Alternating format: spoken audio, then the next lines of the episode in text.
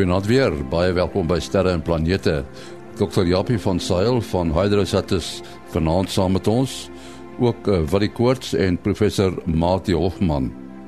Ons gaan net luister na ruimte weer deur Kobus Olkers, maar eers ruimte nuus wat geskryf word deur Herman Turin in Bloemfontein.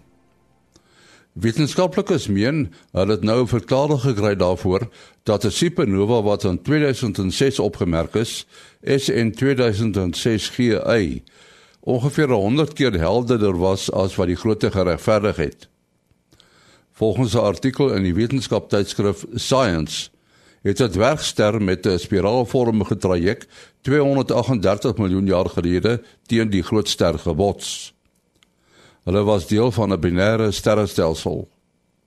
So 'n groot ontploffing word 'n hypernova of superhelder nova genoem. Die sigbaarheid van hierdie botsing was lighelderheid 7,6 of 16 keer helderder as Venus.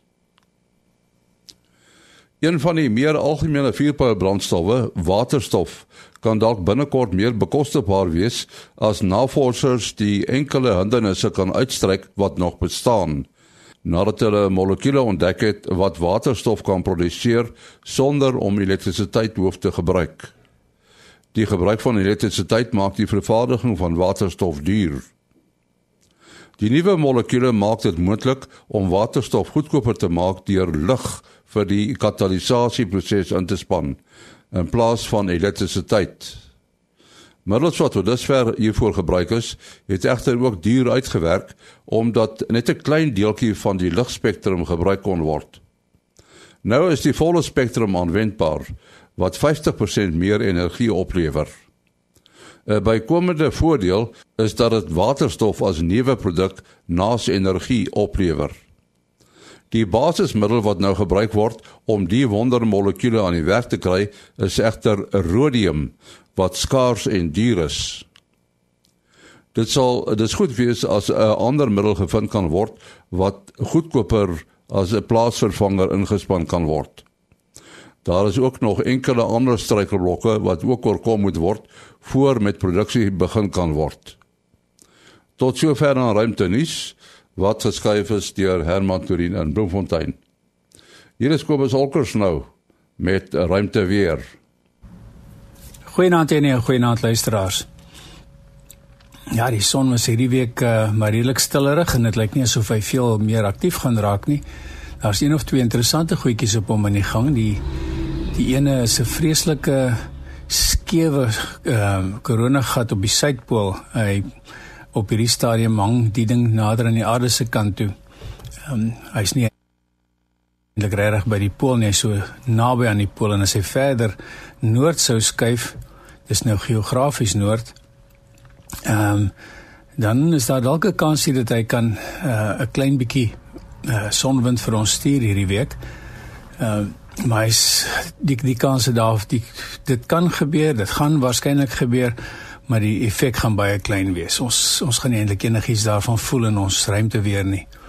Die ander interessante ding wat ons het is 'n uh, ehm uh, 'n klein kleinerige uh magnetiese aktiewe gedeelte wat op die oomblik uh geo-effektief is. En ehm um, hy is egter nie kompleks genoeg om vir ons enige ehm um, probleme te veroorsaak met uitbarstings of so iets nie, maar hy's pragtig om na te kyk.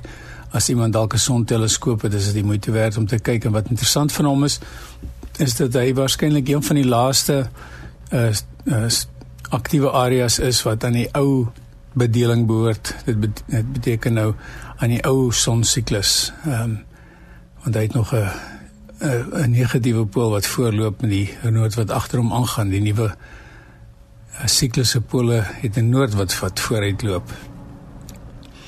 Dan wat ehm um, filamente aan betref sien ek so 2 3 kleintjies. Ehm um, hulle het hoegenaamd hulle is almal al, al drie van hulle is in baie stabiele areas. Ek glo nie ons gaan enige uh, probleme van hulle af kry nie en maar hulle is wel oulik om na te kyk as die mense hier na SDO se ehm um, se webwerf toe gaan.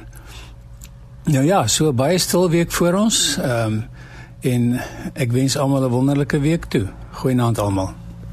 Ja, dit was Kobus Olkers. Baie dankie Kobus.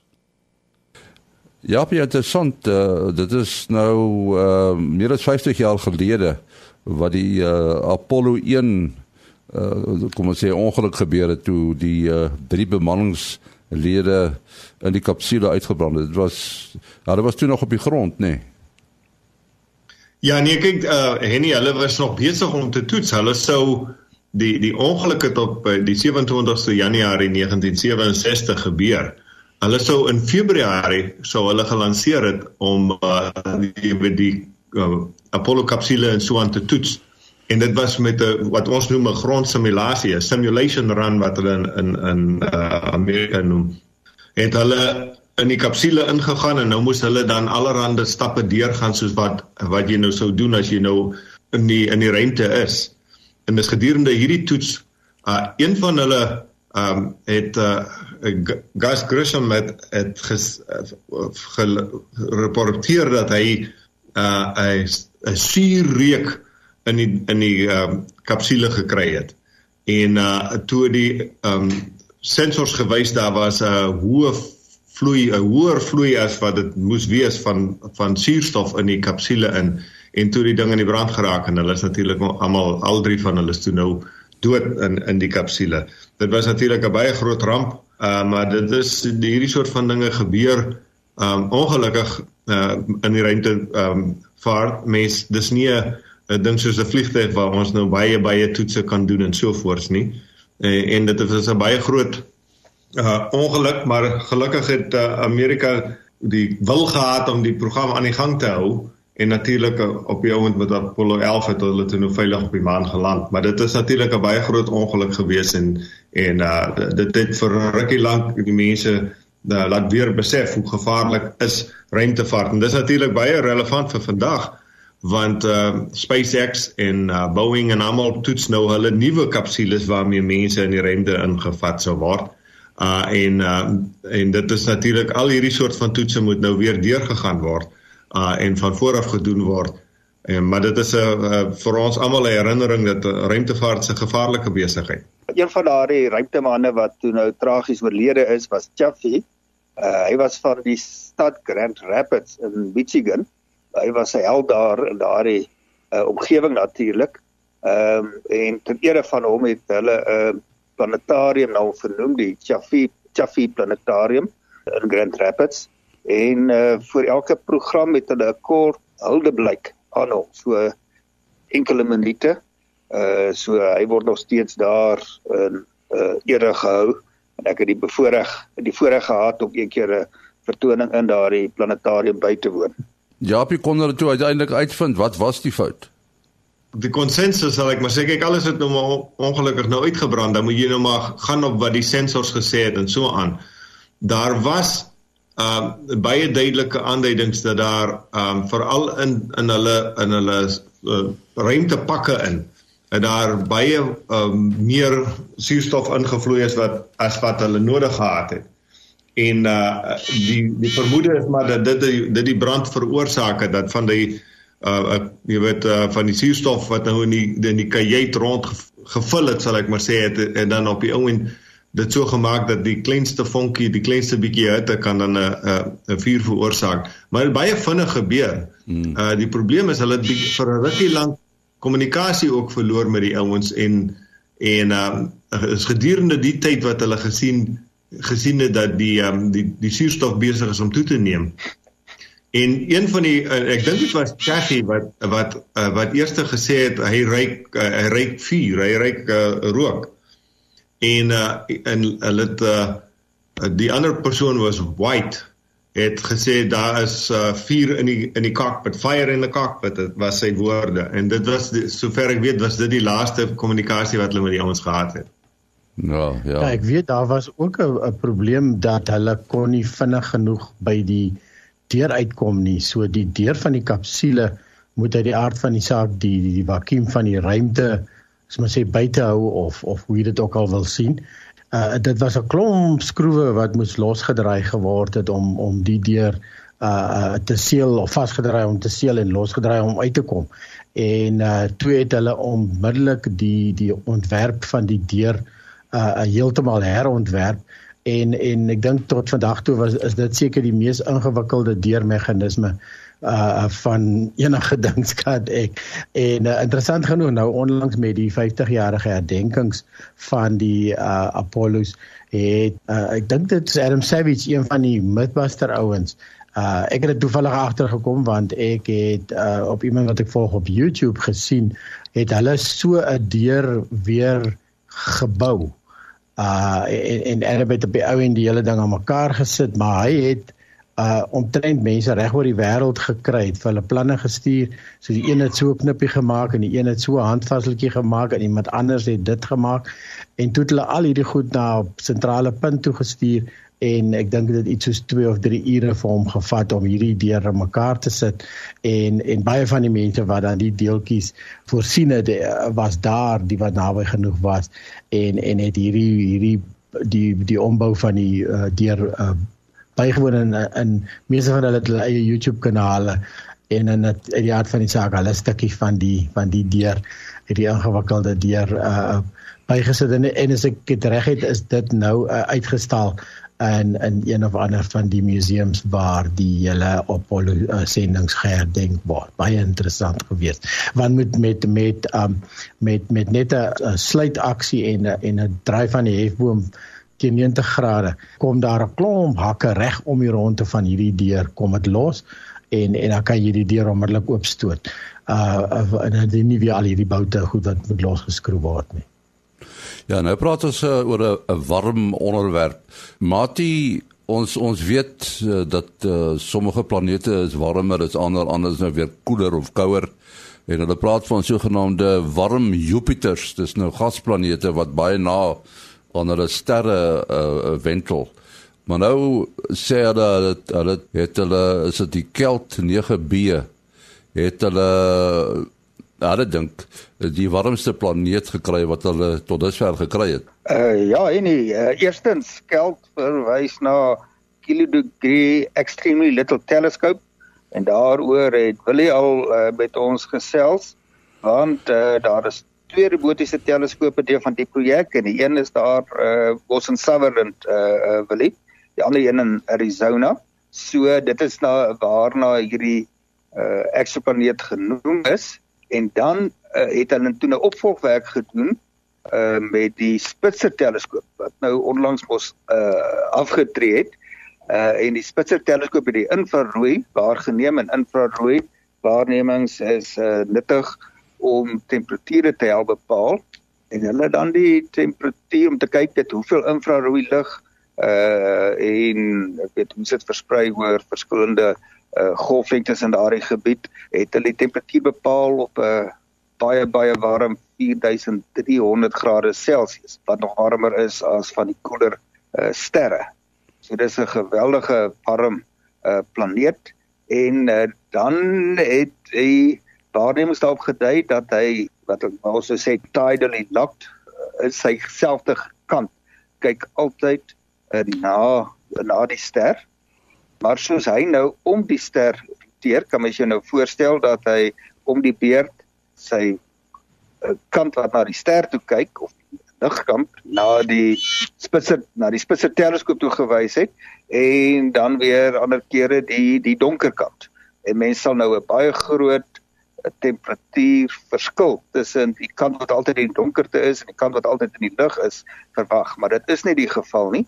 So dit beteken daar moet 'n voortdurende sirkulasie van warmte van die uh, sterkant na die donkerkant is. Na die uh, donkerkant is by wyse van beweging van die atmosfeer se uh, weet winde en so weer. En nou ja, mens kan nie die stelsel sien anders as indirek deur die metings wat van die lig gemaak kan word nie.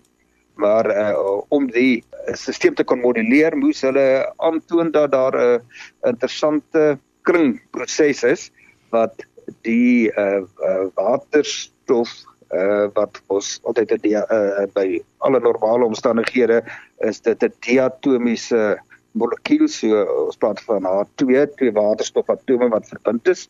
Aan die warmste kant word dit gedissosieer by daai geweldige hoë temperature En dan aan die ander uh, kant aan die donker kant wat nou nie soveel koeler is nie, maar genoeg koeler, dan uh vorm dit weer 'n uh, diatomiese molekuul en so gaan daardie siklus voor uh, voortdurend uh voort. So dis 'n baie interessante stelsel in hierdie hele studie van die eksoplaneet atmosfere en ek dink die studie van eksoplaneet atmosfere met 'n verskeidenheid van instrumente en tegnieke gaan 'n geweldige groot rol in die volgende kom sê nou maar 10 jaar speel onder andere met die ehm um, uh, James Webb teleskoop uh en dan nou ook 'n ander interessante studie onlangs uh, maar dis nou weer 'n gesprek op sy eie is 'n instrument wat hulle op die groot 200 duim teleskoop op Mount uh, Mount Palomar uh, gekoppel het. 'n uh, instrument wat dan nou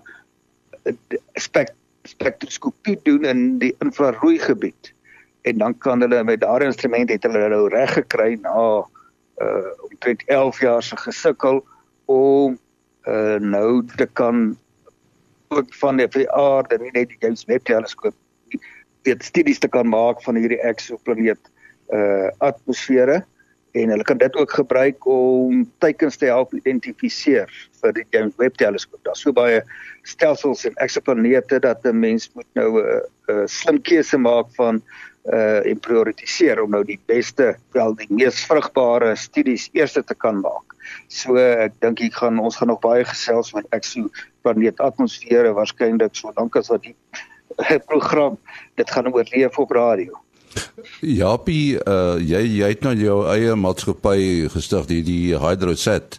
Maar hou jy nog die dinge dop uh, wat by eh, JPL aangaan want ek sien hulle het 'n probleem gehad met uh, met Curiosity. Hy het gevries of iets. Ja. Ja nee, ek ek hou dit nog fyn dop. Ek het natuurlik nog baie vriende wat daar werk en ek uh, ek bly maar net so 'n paar kilometer af en af. So nee, ek bly nog redelik op hoogte. Ja, wat gebeur het met Curiosity is hy was besig om, om wat ons noem 'n sequence uit te voer. 'n uh, Sequence beteken maar net dit is 'n seer 'n uh, 'n groot klompie stappe wat jy nou vir hom gesê het, doen nou dit en dan doen nou dat en dan doen nou dat en so aan. En skielik hier halfpad deur hierdie ding ehm um, uh, het uh, curiosity skielik verloor waar hy is. Ons hulle verstaan nog nie heeltemal nie, hulle is nog besig om al die ehm um, uh, data te ontleed om te sien wat kon gebeur het. Dit blyk asof die uh geheue waarin die data gestoor is van waar hy is en waar die aarde is relatief tot Mars en so aan uh om een of ander rede het daardie data verdwyn. Uh dit het of iets het daaroor geskryf per ongeluk uh of of wat ook al maar die goeie ding van dit alles is hy het net sy um sy sal ek maar sê sy geheue verloor van waar hy is. Dan nou ja, dit is seker maar soos hulle in Engels sê 'n bietjie van 'n senior moment vir hom want hy's nou 'n bietjie oud. So miskien het hy maar net so 'n bietjie vergeet waar hy is.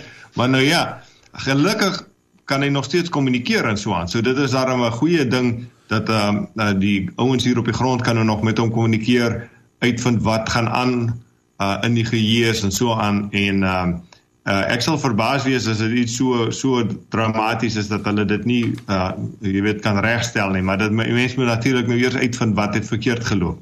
Ons het 'n interessante brief gehad van uh, Chris Huber en hy het 'n uh, briefie geskryf na alreeds van 'n uh, uitsending waarin ons uh, oor batterye gepraat het.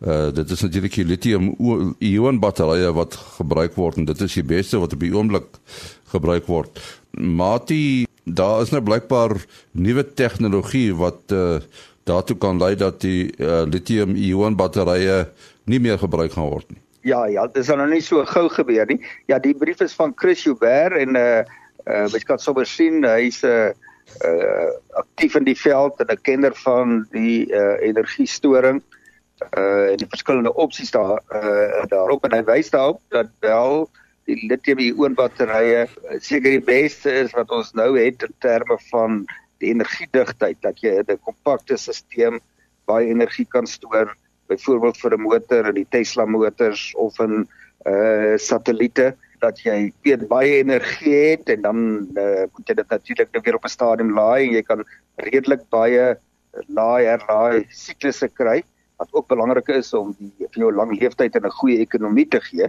maar dan wys hy daarop uh, dat ongelukkig bevat dit uh, toksiese uh elemente en dan veral natuurlik lithium want dit uh, is mos nou 'n lithium-ion battery maar ook kobalt. En uh, as uh, hierdie uh, soort battery nou op 'n massiewe skaal gebruik gaan word beide vir mobiele toepassings en vir statiese toepassings gaan jy 'n geweldige uitdaging hê om uh, dit weg te doen met hierdie batterye as hulle lewensduur nou verby is.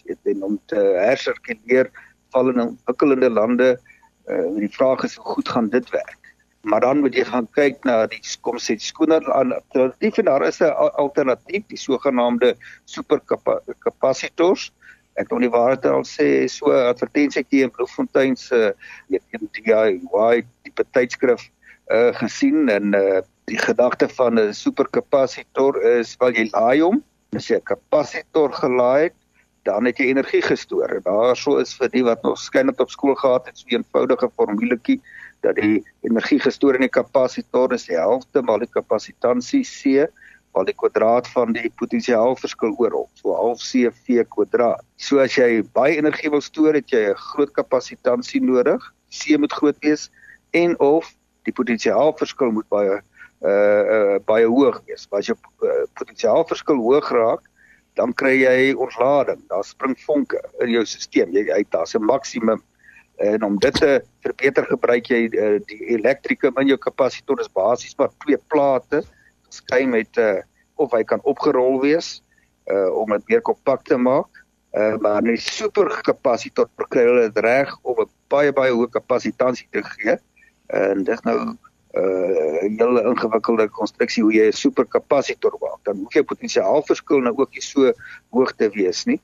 Uh nou die voordeel van 'n superkapasitor, wel dit baie skoner, jy het nie al hierdie toksiese elemente nie en jy kan hom baie vinnig laai, jy kan hom vinnig ontlaai. Uh jy kan hom maklik gebruik keer meer siklusse laai ontlaai.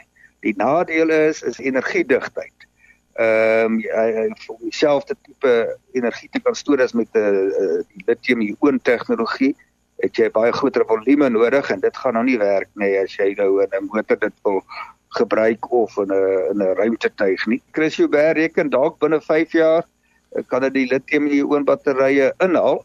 Wel dit sal ons nou maar moet sien maar uh, dis nou soos navorsing en ontwikkeling werk. Jy moet ten minste gaan probeer en die impak sal enorm wees. Uh, en daar is daar is al toepassing. Daar as vir plekke wat hulle gebruik. Byvoorbeeld die Chinese het uh, hy verwys nou daar 'n bus wat elke plek waar hy nou stop om passasiers op te laai en af te laai dan laai hy vir 10 sekondes. Maar anders hy dit is nou die verhoog van die superkapasitor om in 'n kort tydjie ja wat energie op te neem. En dit is genoeg om die volgende stop te haal. En uh sodra jy nou kan begin toepassings kry dan begin jy jou navorsingskoste herhaal en dan kan jy uh, positiewe terugvoerlus, jy kan meer navorsing doen en vinniger vorder. Ja, iets wat my opgeval het wat hy so sê is dat in 'n ontwikkelende land, ontwikkelde land soos Australië word slegs 2% van selfoonbatterye herwin. Want kyk mense kan nou dink jy het nou al hierdie kobalt en lithium en wat ook al, uh maar jy kan dit mos oorgebruik uh en uh selfs daar is dit net 2%. Mense sal aanneem as motors dit begin gebruik, uh sal die sal, sal die herwinning definitief meer wees soos wat ons vandag elke keer ons ou battery gaan ingee as 'n nuwe battery koop. Maar uh ja, ek hierdie hierdie is is die so kapasiteit het nogal 'n hele klompie interessante moontlikhede. Ja, al wat ek van 'n kapasitor weet is uh, ek hier in die ateljee sit en ek ry rook en iets brand dan is dit gewoonlik 'n kapasitor wat gegaan het. Word die goed oud of wat? hulle hulle het 'n leeftyd en ja. dit is presies wat wat jy daar sê en wat jy baie maal kry is iets wat lanklaas aangeskakel was. Ah. As jy hom die eerste keer na baie jare weer aanskakel, uh dan ontplof die kapasitor baie maal. En uh die uh, kapasitors as jy die bord oopmaak en jy sien hy maar uit so uit so 'n magie uitgestoot. Hmm. Uh, uh soos wat ons almal hier na 40 begin doen dan uh so uh, as ons kapasitors ook nie meer lekker nie. maar Henny dis interessant dat dat dat hy dit nou noem van die kapasitors. Um toe ons in 1990s die Cassini radar gebou het. Het ons meer energie in die radar nodig gehad as wat ons kon direk uit die batterye van die Cassini tuig kry. Mm. En uh, so uh, wat ons gedoen het is ons het so 'n kapasiteitsbank in die radar ingebou om e ekstra energie te kan stoor sodat ons dit baie vinnig daar kan uittrek. Uh en so dit is die dit het vir meer as 20 jaar in die rente het daai kapasiteitsbank uh gewerk vir die radar. Nou goed, ons moet afsluit. Uh, wat is jou besonderhede? Uh ja, mens kan bel SMS WhatsApp 072 4579208. 0724579208. Japie. My e-posadres japie.jpl@gmail.com. japie.jpl@gmail.com. En dan Mati. 0836257154 0836257154 En dan my e-posadres is maas.henny@gmail.com maas.henny@gmail.com en jy kan ook die briewe na daai adres stuur as jy vra aan die span het. Volgende week praat ons weer. Tot dan, mooi loop.